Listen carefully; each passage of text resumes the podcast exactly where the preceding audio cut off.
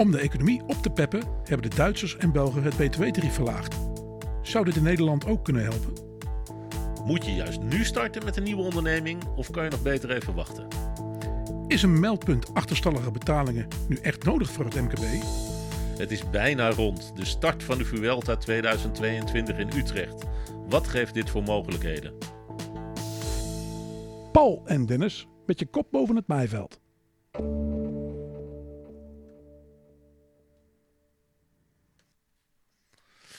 Dennis, in uh, de btw-tarieven, die hebben uh, in Duitsland zijn ze tijdelijk verlaagd en in België zijn ze verlaagd.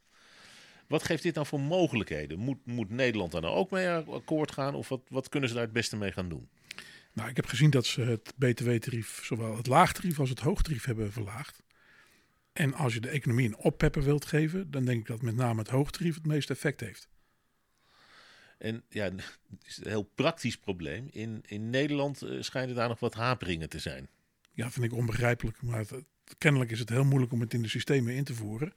En daarom hebben we het in Nederland niet gedaan. Maar, uh, ja, maar waarom dat zoveel moet kosten, kan ik eigenlijk niet goed verklaren hoor. Nou ja, het, het, heeft met de ICT-systemen te maken dat die het niet aankunnen.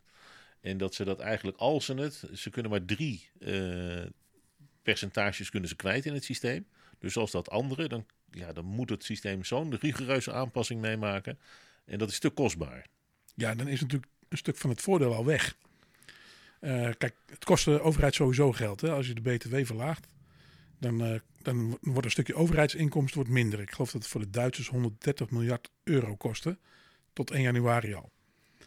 Um, wat je doet, is als de prijs van consumentenartikelen lager wordt, dan zou je kunnen zeggen, dan is het makkelijker om daar geld aan te besteden voor de consument. Want dan doet het gewoon minder zeer in je portemonnee. Als je een luxe artikel koopt. Daarom hebben de Belgen het btw-tarief verlaagd uh, voor de horeca. Oké. Okay. Dat hebben ze gedaan, uh, een periode. En ik weet niet of dat nu nog, eerlijk gezegd weet ik niet zeker of dat nu nog uh, actueel is. Maar de horeca moet op een gegeven moment dicht zelfs. Ja, dan heb je ook aan die verlaging zeg maar niet veel meer. Nee. Maar mijn indruk is eigenlijk dat er heel veel geld wat normaal gesproken besteed wordt door consumenten aan consumentisme, zeg maar, dat dat eigenlijk nu gewoon op de planken ligt. Nou ja, dat, dat is denk ik ook het probleem. Dat er heel veel uh, consumenten die kunnen het geld niet uitgeven. Helemaal nu niet. De winkels zijn dicht, de horeca is dicht. Dus probeer het maar, uh, maar uit te geven. En dat is, dat is nog heel lastig.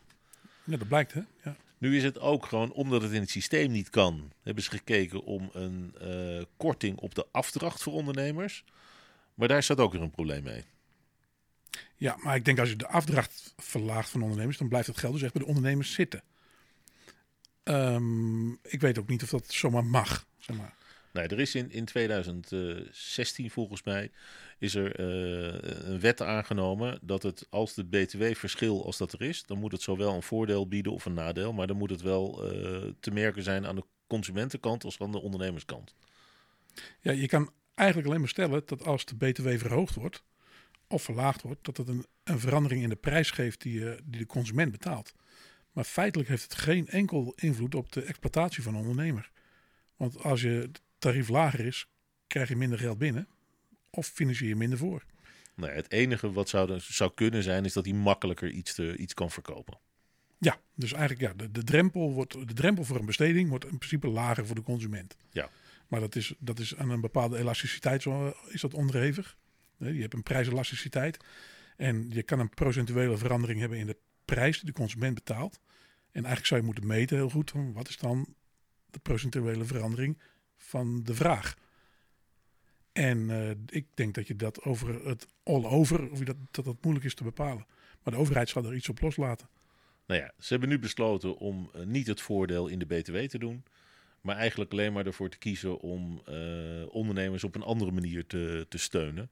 Ja. Nou, daar zijn eigenlijk nu de, de steunpakketten die, uh, die bekend zijn. De, de TVL en de NOW-regeling, die, zijn daar, uh, die zijn daarvoor. Heb jij een idee wat het voor de Duitsers heeft opgeleverd dan, tot nog toe? Of dat de economie ook echt opgepept heeft? Of het aan de andere kant iets opgeleverd? Nee, daar heb ik geen, geen beeld bij. Want er zijn, er zijn cijfers uitgekomen vorige week. En dan zag ik dat de economische schade die Nederland heeft opgelopen in, uh, in de, de crisis of in de coronaperiode, ja. Uh, echt punten lager ligt dan in uh, ons omliggende landen. Oké. Ook lager dan Duitsland, waar we eigenlijk toch altijd dan gekoppeld zitten. Ja. Maar ook heel veel lager dan Frankrijk, maar ook lager dan België. Dus we doen het in feite in dit land nog een beetje beter. Oké. Al zou het gevoel soms niet helemaal uh, uh, beamen wat, je, wat de feiten zijn. Zeg maar maar, uh, maar we doen het hier op zich, op zich beter. Zonder die btw-verlaging. Als we in Duitsland al 130 miljoen, miljard hebben uitgegeven aan een btw-verlaging. En ze doen feitelijk slechter dan in Nederland. Nou ja, dan kunnen we dus beter. Dan zijn de manier zoals we het nu doen hier, is, is qua ondersteuning en het op een andere manier te ondersteunen, is dus beter. Mijn gevoel is dat de overheid probeert zoveel mogelijk nog van de, uh, de economie aan de gang te houden. Ja. En daarom, we hebben krimp, maar we hebben minder krimp dan onze omringende landen. Wat denk ik wel een hele leuke is, dat is om nu te kijken naar... Uh, als je nu een ondernemer, uh, een onderneming wilt starten... is dit dan het moment om iets te starten? Of zeg je van, nou, wacht er nog heel even mee. Dat hangt er wel vanaf waarin. nee, dat, dat, dat, dat, is zo. Ja, ik, uh, ik denk dat het wel... Ja, ieder moment om een, om een onderneming te starten... heeft... Uh, uh, dat kun je... Op de 31ste weet je altijd of het een goed idee was. Einde van het jaar. Ja, want dan weet je hè, of je, je, je planning uitkwam of niet. Dus dat is het makkelijkste natuurlijk. Maar als je, ja, als je nu in de horeca bijvoorbeeld start... Uh, en je weet eigenlijk dat je nog een half jaar dicht bent, dan zou ik maar gewoon even een halfjaartje wachten, geloof ik. Uh. Ja. Alhoewel, aan de andere kant, als je nu start, je hebt ook een bepaalde aanlooptijd nodig voordat je echt van start bent, dan zou je deze periode heel goed kunnen gebruiken. Nou ja, er is, er is uh, in april 2020 waar er 34% minder nieuwe ondernemers zijn erbij gekomen. En het leuke is, in mei is dat weer toegenomen. En in juni was het zelfs 20% hoger dan het jaar daarvoor. En, uh, maar het laatste kwartaal is het weer afgenomen. Dus ja, misschien dat het met de piek te maken heeft van alles mag weer open en het gaat de goede kant op. En de tweede piek dat er weer een dip is. Maar uh, ja, het is, tot nu toe is het de grootste daling in acht jaar. Maar we meten eigenlijk altijd consumentenvertrouwen. Dus in hoeverre heeft de consument vertrouwen dat, uh, uh, in de economie. En durft hij daardoor geld uit te geven. In tijden van crisis zou je zien dat heel veel mensen toch maar zeggen: ik probeer wat reserves op te bouwen. Want het kan maar zo eens gebeuren dat ik op straat kom te staan of noem maar op. Ik durf niet helemaal exact te zeggen hoe het nu gesteld is met het consumentenvertrouwen. Maar je hebt eigenlijk ook een soort ondernemersvertrouwen. En als ik naar het ondernemersvertrouwen nu kijk, dan laten we eerlijk zijn, dan worden we allemaal niet vrolijk van. Nee. Um, ik denk dat als de, en we weten eigenlijk ook nog dat, hè, dat is wel gebleken in de periode dat de economie los mocht vorig jaar, ging die eigenlijk best snel van start. Uh, dus de verwachting is ook eigenlijk als straks de maatregelen een klein beetje teruggeschroefd worden, dat de horeca gewoon weer goed bezocht gaat worden. En uh, dat het eigenlijk gewoon wel weer van start gaat. Maar of het vertrouwen echt bij de ondernemers er is, want het kan maar zo weer dichtgezet worden. En uh, laten we eerlijk zijn, ik denk dat er zullen ondernemers zijn die voordeel hebben gehaald uit deze periode. doordat zij een artikel verkochten. of misschien meer zijn gaan verkopen op hun, in, in de afgelopen periode. en daar beter tegen bestand zijn. Maar er zullen ongetwijfeld bedrijven zijn die, uh, die, uh, die helemaal niet zo'n hoog vertrouwen hebben op dit moment. Dus ja, het is echt afhankelijk van wat je gaat starten. of dit nu een goede periode is, ja of nee. Ik had onlangs contact met MKB Nederland. Ja. En die gaven eigenlijk aan dat 50% van de MKB-bedrijven die zijn echt de dupe van. En die hebben echt, zitten in zwaar weer. Of die, die, die merken gewoon omzetverlies. Maar er is aan de andere kant is er ook een 50% die er weinig mee te maken heeft. Die misschien wel meer uh, beter draait dan, dan het jaar daarvoor. Dus daar zit dan ook alweer een verschil in. Ja, ik kan me dat wel voorstellen. Ja. Als je een bedrijf start, want we hebben het nu over die starters.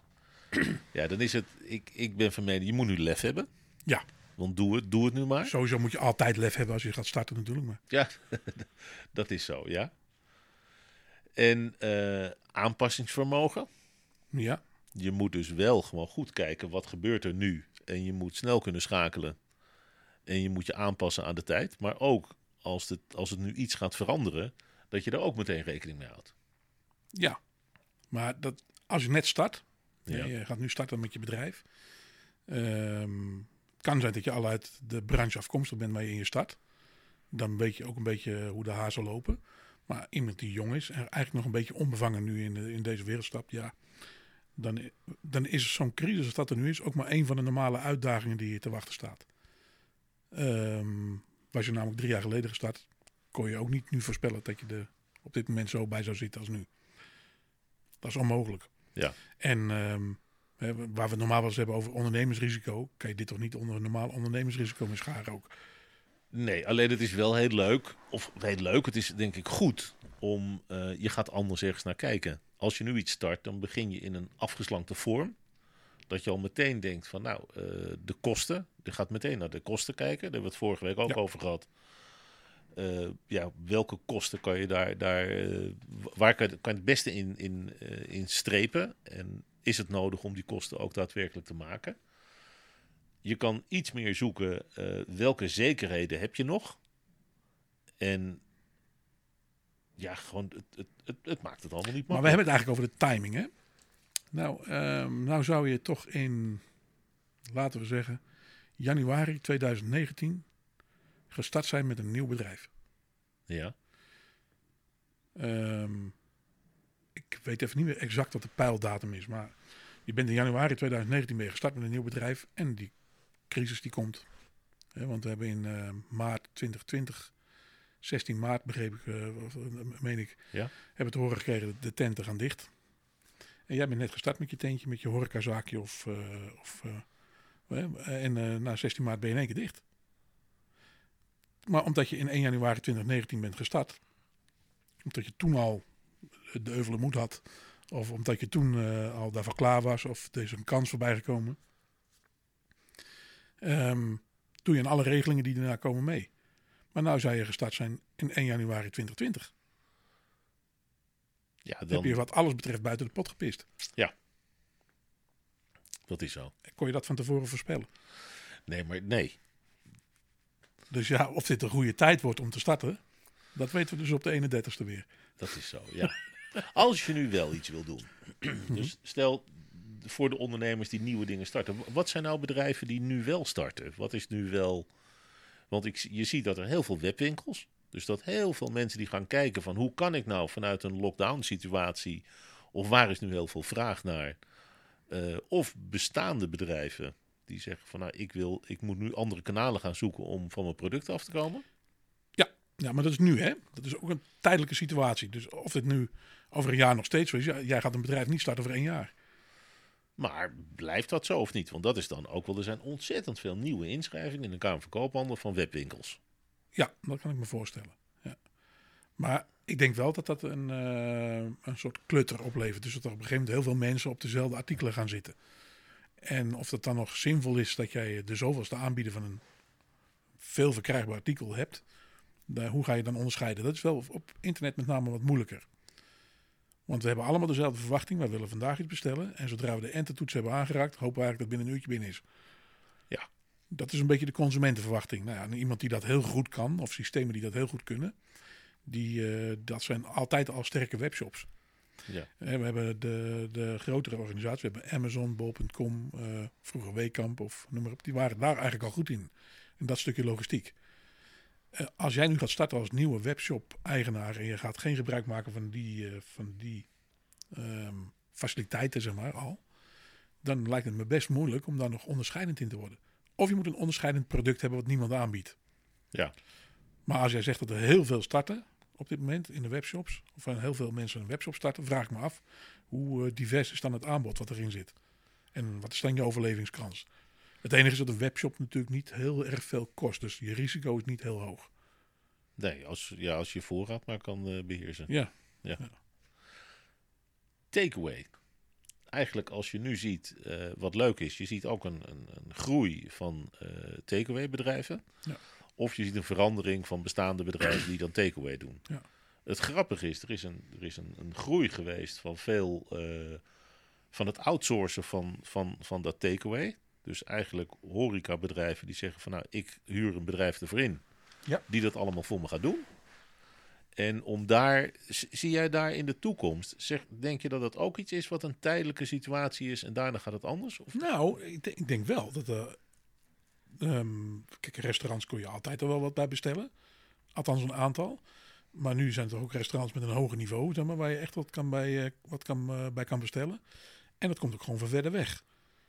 Ehm, dus ja, ik bedoel, als je eh, vroeger kreeg je een scootertje aan de deur die een, eh, die een hamburger van de buurman bij wijze van spreken kon brengen. Maar inmiddels kun je gewoon iets bestellen uit Amsterdam vandaan of uit eh, waar dan ook vandaan. En het mooie is eigenlijk ook nog dat het, het kant en klaar. Gewoon, het moest vooral warm, moest het ergens binnenkomen dat Ja. het meteen gegeten kan worden. Maar nu krijg je het, het out- out-of-the-box eh, principe. Ja, ik denk dat het zelfs, als je dat goed doet als ondernemer op dit moment, kan dat een mooi uithangbord zijn van dit kan ik eigenlijk allemaal. En eh, dus dan kun je via zo'n organisatie laat je iets thuiskomen. Heb je thuis een eh, gezellige avond met eh, lekker eten. Het is een leuke beleving geweest. En dat je dan misschien nog wel eens later voor het echtje echt naar de, het restaurant gaat zodra het open is. Zeg maar. Dus als je dat goed doet, dan kun je die omzet en houden. En kan die meer omzet ook in je eigen restaurant opleveren. Dus ik denk dat dat eigenlijk een heel slimme methode is. Dat, Dat het eigenlijk, blijft. Eigenlijk zeg je dan, naast de omzet die ze in het verleden hadden, die weggevallen is, hebben ze nu een nieuw kanaal ge- ge- Ja. gecreëerd. Ja. En straks, als dat oude kanaal weer hersteld kan worden, Blijft die omzet wel bestaan, een stuk. Ja. Misschien niet volledig, maar wel een stuk. Ja. Dus ik denk dat dat echt een surplus wordt voor de toekomst. Mits ze dat goed gedaan hebben. Hè? Ja. Want dan kun je maar gewoon eens op een vrijdagavond zeggen: ik laat eens iets uit. eh, Ja, we, zitten zelf in Utrecht, iets uit Amsterdam komen. Ja. Of andersom. nou, leuk. Le- leuk om te zien. En er zijn veel... Knap eh, ook. Ja, wat ik ook trouwens. Ik was aan het kijken wat, wat voor soort bedrijven zijn er nu gestart. En eh, in Amsterdam, daar is een bedrijf gestart met eh gebbetjes. En dat zijn, dat, dat, dat heeft die, heeft die Amsterdamse gebbetjes, daar heb je een ander beeld misschien bij. Maar dat zijn de Haagse hopjes Ja, van Amsterdam. En dat zijn eh, Amsterdamse gebbetjes. Ja. Die hebben een, een snoepje eh, bedacht. En daar zijn ze mee eh, de boer op gegaan. Hebben ze gekeken naar waar kan het geproduceerd worden. Hoe kunnen we... de- En dat zijn ze bij hotels zijn ze dat gaan verkopen. En dat schijnt echt erg goed te lopen. ja, maar Amsterdam is natuurlijk op zich een merknaam. Inmiddels. Nou ja, inmiddels dus gebbetje ook. Ja, we, noemen, we noemen volgens mij Zandvoort noemen ze Amsterdam Beach. En, Ja, ja, en eh, we, we hebben het over, eh, hoe heet die kaas ook weer? Old Amsterdam. ja. Ik heb nog nooit een koe in Amsterdam zien lopen, maar het merk is er. Ja, nee, dat, dat, dus, dat is het voordeel. Maar het, het idee om gewoon iets heel kleins, iets heel simpels, om dat nu wel eh, bij waar de gasten nog wel komen, want die komen wel in de, in de hotels. Ja. En om daar dan een afzetmarkt te vinden voor zo'n snoepje. Ja, maar ik denk dat er voor snoepjes altijd wel een afzetmarkt is. Ja. Dat denk Ja? ik eigenlijk wel. Oké. Ja. nou, wat, ik, eh, wat, wat heel erg leuk is om te zien, is dat er gewoon zoveel eh, creatieve ondernemers zijn, creatieve Ja. ideeën. En ik, misschien dat je er nu dat, dat, dat je het meer ziet, maar ik denk echt dat het meer is. Ja, de noodzaak is er natuurlijk voor sommige mensen ook meer. Ja. En dan is het wel leuk als, het op, eh, als er leuke oplossingen opkomen, dan, dan vind ik dat ook inspirerend. Ja. Ja, dat vind ik echt leuk om te zien. Ja, en, en, ja, en als het dan succesvol wordt, dat gun ik die mensen dan ook wel. Ja. Hè, eh, de, ja, als mensen hun nek uitsteken en eh, ze verzinnen iets nieuws en dat wordt succesvol in zo'n periode als nu. Nou ja, dat, eh daar kan je alleen maar een petje voor afnemen. Vind, dat vind ik op en top ondernemerschap. Nou, we hebben het eerder hebben we het gehad over eh, betalingen, achterstanden van bedrijven, eh, crediteuren om je geld eh, terug te krijgen. Nu heeft het economische zaken, die hebben een, een meldpunt, achterstallige betalingen hebben ze ingevoerd, om te kijken als nou MKB'ers daar aangeven of ze bij het grootbedrijf een, het betalingstermijn niet binnen de betalingstermijn betaald wordt, dat daar een anonieme melding gemaakt kan worden.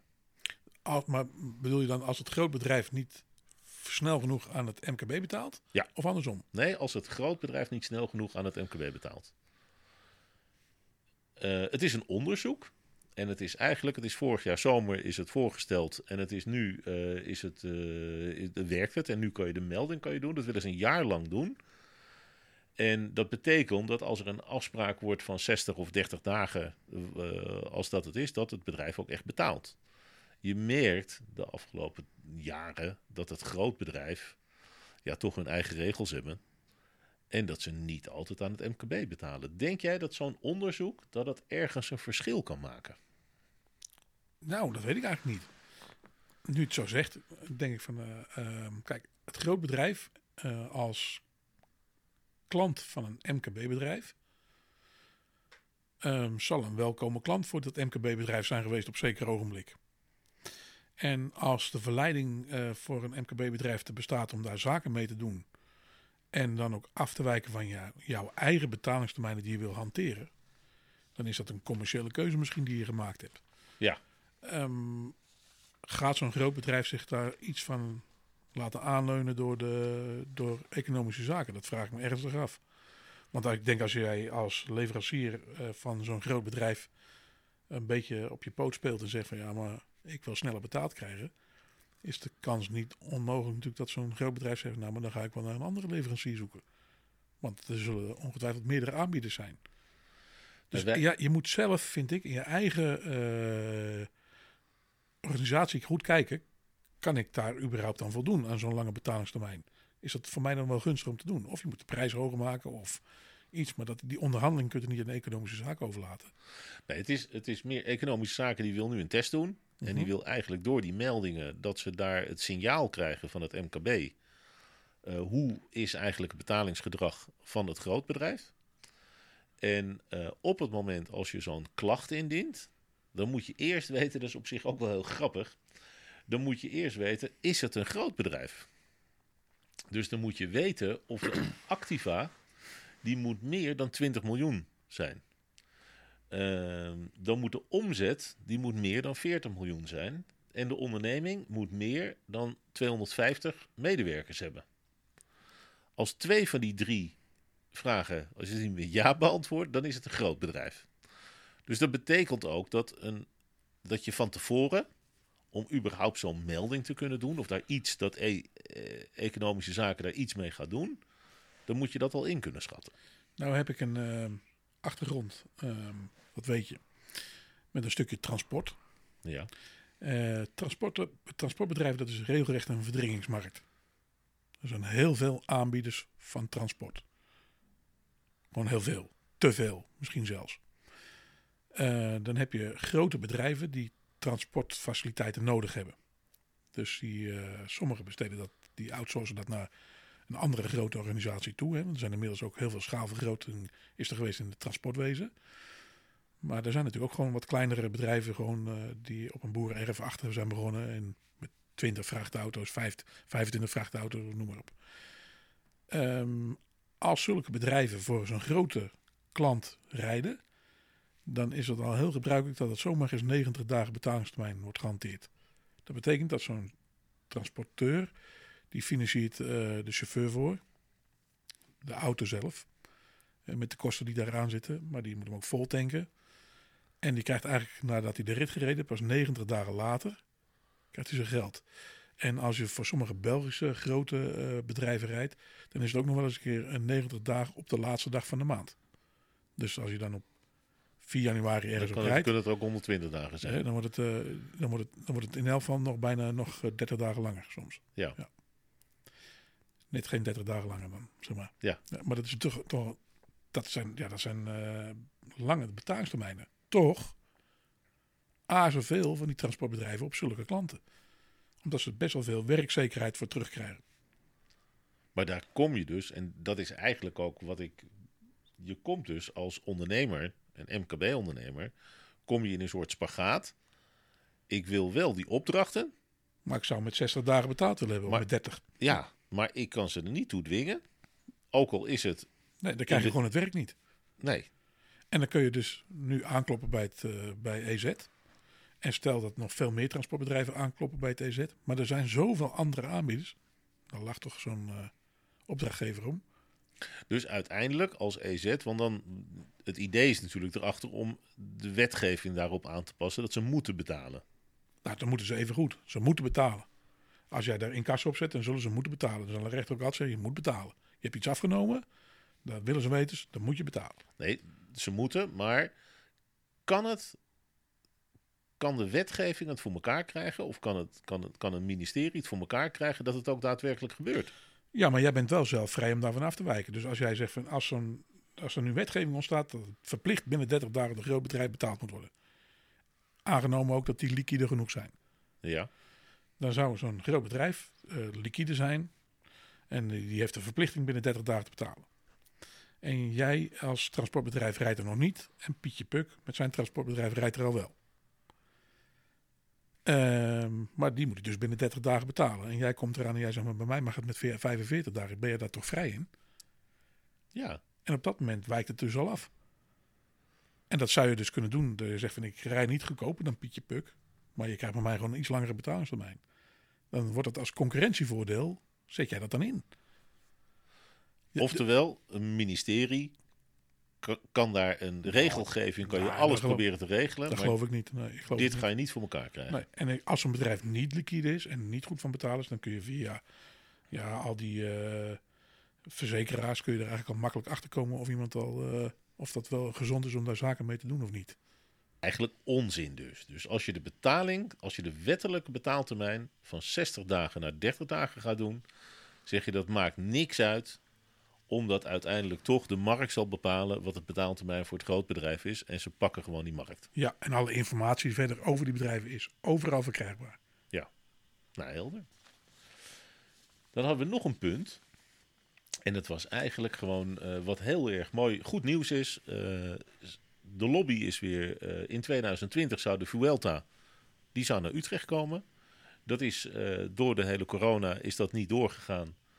Nu is er weer opnieuw is hij aangevraagd om uh, in 2022 de Vuelta naar Utrecht te halen. Financieel is de gemeente akkoord. Uh, de provincie is nu akkoord. Er is dus financiële buffer. En nu moeten we, het is bijna rond. Uh, we, er is ook bekend dat de organisatie het ook wel heel graag zou willen dat het richting Utrecht komt. Als dat nou naar Utrecht komt, wat heeft dat nou voor mogelijkheden in Utrecht? Nou, dat hebben we toen gezien met um, de Tour de France. Ik ben toen zelf nog in de stad geweest. Ja, het is gewoon een, uh, het is een stukje city marketing zeg maar, voor Utrecht op zich. En ik denk dat het uh, op die dag zelf geloof ik niet eens dat het heel veel extra omzetten oplevert. Of heel veel. Het is een heleboel traffic die er niet op gericht is om, uh, om ondernemers rijk te maken in Utrecht. Maar ik denk dat het Utrecht zelf daar meer door op de kaart komt, toch weer als stad. Ja, nou ja, het, het, het gave is, het zou de eerste stad in de wereld zijn die zowel de Tour de France, de Giro en de Vuelta de start in, uh, in, in, in de stad hebben gehad. Ja. Dus dat is al heel gaaf om dat, uh, om dat te hebben. Nou, wat grappig is om ook te, te weten, is dat 60% van de inwoners van de provincie Utrecht, die ondersteunen het evenement. Dus die zijn er positief over. En eigenlijk, misschien moet ik het een beetje nuanceren, die zeggen van wij willen gewoon veel grote evenementen willen we naar, naar de provincie halen. Dus die zijn voorstander van zoiets. Uh, en dan zijn ze hoofdzakelijk trots. Nou, dus dat, dat kan iets is mij ook niet vreemd daarin. Dus uh, dat, dat gevoel heb ik zelf ook. Maar het is ook een klein succesje gewoon. En wie wil een succesje nou niet vieren? Ja dus dat is toch leuk dat, uh, want van alle grote steden die er zijn in heel Nederland, of van, uh, in uh, Noord-Europa, of waar je maar ook wel wil starten met de Vuelta, kiezen ze toch Utrecht uit. Dus dat vind ik wel wat zeggen. En, maar het is ook gewoon leuk. Het is gewoon een leuke dag, een extra leuke dag. En, en ja, wie kan daar nou tegen zijn? Nee, het leuke is ook weer dat 50% die zegt ook weer, als het niet doorgaat, is het ook best. Nou, dat, precies dat. Dus het, is, het kan alleen een klein beetje winst opleveren extra. Ja. Nou, dat vind ik alleen maar mooi. Het leuke is dat uh, de Tour de France, wat jij net ook al aangaf, dat staat natuurlijk bij heel veel staat het op een netvlies. Ja. Wat er voor impact dat in het, in het Utrechtse heeft ja, gehad. Ik vond het wel heel leuk toen hoor. Ja. Uh, het, eh, de Giro is, is vooral bekend bij de, de, de niet-wielrenners of de, niet, de, de, de liefhebbers van wielrennen. Omdat uh, Ton Dumoulin, die gewonnen heeft, dat hij ook wel in beeld is. De Vuelta is iets minder bekend. Mm -hmm. Maar hierdoor staat, komt hij ook al meer op de kaart voor, uh, voor Nederland. Uh, het economisch gezien voor wie heeft dat nou allemaal voordelen? Of wat, wat, wat voor business kunnen we daar nou uit genereren? Nou, het geeft uiteindelijk meer traffic op den duur naar Utrecht toe. het, althans, het levert daar iets voor op, want je staat als ehm, plaats, zeg maar, internationaal gewoon beter bekend. Dus dat is het. Het, het, het, tilt je een klein beetje, zoals ons programma heet, boven het maaiveld uit de stad. Dat is het enige wat het doet. Je moet er ook niet te zwaar aan tillen in die zin. Dat het echt. Het gaat geen gouden omzetten opleveren of uh, je restaurant volzetten met, uh, met gasten. Ja, misschien een paar. Die mensen die echt rond de Vuelta zitten. Dat ze daar echt voordeel aan kunnen halen. Maar dat is ook maar één, twee dagen. Dat zal je jaar niet goed maken. Het leuke is dat in, uh, als je kijkt naar de, de business die het genereert in hele korte tijd, mm -hmm. wordt er eigenlijk gezegd dat het 10 miljoen gaat opleveren. In die paar dagen. Maar vertel het eens over al die ondernemers die er in de buurt zitten. Is ook zo. Want de bezoekers, je hebt eigenlijk de bezoekers die naar de stad komen en die daar uh, of een hotel boeken, want die zaten ook met de tours, zat dat gewoon alles zat vol. Maar die ook een drankje en een, en een hapje doen. Uh, dan heb je de ploegen zelf. Al die ploegen die hebben net weer een, een, een iets ander uh, arrangement. Dus die geven ook weer geld uit. Dan heb je de sponsoren die ook in het Nederlandse die hier naartoe komen. En die dan ook in Utrecht, buiten Utrecht en misschien al iets voordat de start er is. Maar ook iets nadat de, dat, ze, dat ze weer weg zijn ook nog door willen gaan. Je moet zien de pers alles. Met, met, met van filmploegen tot, uh, tot radio, televisie, alles wat, er, wat erbij komt. Dan moeten de parcours uitgezet worden met de logistiek, wat daarmee te maken heeft. Dan heb je de marketing, communicatie. De bedrijven die daar gewoon een lift mee kunnen, uh, om, omdat er toch veel, veel gebeurt. De beveiliging. Dus het leuke is, als je daarin gaat verdiepen wat voor impact die Vuelta voor de regio Utrecht heeft, dan is het veel meer dan alleen maar uh, de bezoekers die er komen. Jawel, maar ik denk dat het natuurlijk, het, dat levert een piek in, uh, in, in de omzetten op, zeg maar, van de bedrijven die daar iets aan kunnen leveren. Als jij iets aan, uh, als er een filmploeg of een, een cameraploeg s'avonds uitgefilmd is en zegt van nou iedereen ligt op zijn bed in de bus en wij gaan nog ergens een hapje eten, dan is het voor de, voor de tent waar ze binnenkomen leuk. Ja. of ja, ik denk niet eens dat de fietsenboer de fiets aan gaat leveren, dus dat gaat echt niet gebeuren. Maar, dus, maar de spin-off natuurlijk op den duur, door, door toch dat je drie van dit soort evenementen al naar Utrecht hebt gehaald, um, met nog wel wat evenementen extra, heeft toch Utrecht wel een belangrijkere plaats gemaakt. Als mensen over Nederland praten in het buitenland, dan hebben ze het vaak standaard over Amsterdam. We hebben het net nog gezegd, het is een merk. Maar toch begint Utrecht daar toch wel hard achteraan te rennen hoor. Inmiddels wordt ook wel gewoon genoemd en we staan ook wel eens. En dat maakt ons ook een beetje trots op de plek waar we natuurlijk zelf leven. Maar het zorgt ook wel echt voor meer toerisme naar ons toe. Nou, volgens mij heb ik van de week gelezen dat Utrecht nummer 1 staat in Nederland. Ja, in coronatijd hè? Zijn we zo leuk met corona? Uh, maar er is in Amsterdam kennelijk nu nog minder te beleven dan bij ons. Oké. Okay, of het okay. verschil wordt daar harder ervaren. Dat kan natuurlijk ook. Nee, ik weet het. Beide zijn natuurlijk. We, we, leven in Nederland. En dat. Uh, ik vind eerlijk gezegd, de, de vier grote plaatsen vind ik zelf fantastisch in Nederland allemaal. En kom bij allemaal graag. Maar uh, ja, ik ben zelf wel echt trots op ons statie hoor. Wat leuk is, en dat is eigenlijk de onderwerpen uh, als je ze in eerste instantie hoort, als we zeggen wat, waar we het over gaan hebben, dan lijkt het heel uit elkaar liggen. Uh, het mooie is dat of je nou gaat ondernemen, moet je nu wel of niet ondernemen? Wat doet een, in 2022 een Vuelta? Um, hoe moet je nu, ben je blij met EZK of je of 30 of 60 of ze daar iets, de regeltjes anders worden of de BTW-regeltjes anders worden? Het is allemaal, ligt het bij de ondernemer. En dat is denk ik, uh, hoe ga je ermee door? Het is tijdelijk, je moet het zien op het moment en je zal flexibel moeten zijn hoe je ermee omgaat. Ik heb een keer van Maarten van Rossum gepikt. Joh, als je over 30 jaar terugkijkt naar wat we vandaag allemaal schrijven over de huidige actualiteit, dan zul je zien dat meer dan de helft onzin is. Zullen we het zo afsluiten voor vandaag? Vind je niet? Hartstikke mooi. Oké, okay, Dankjewel.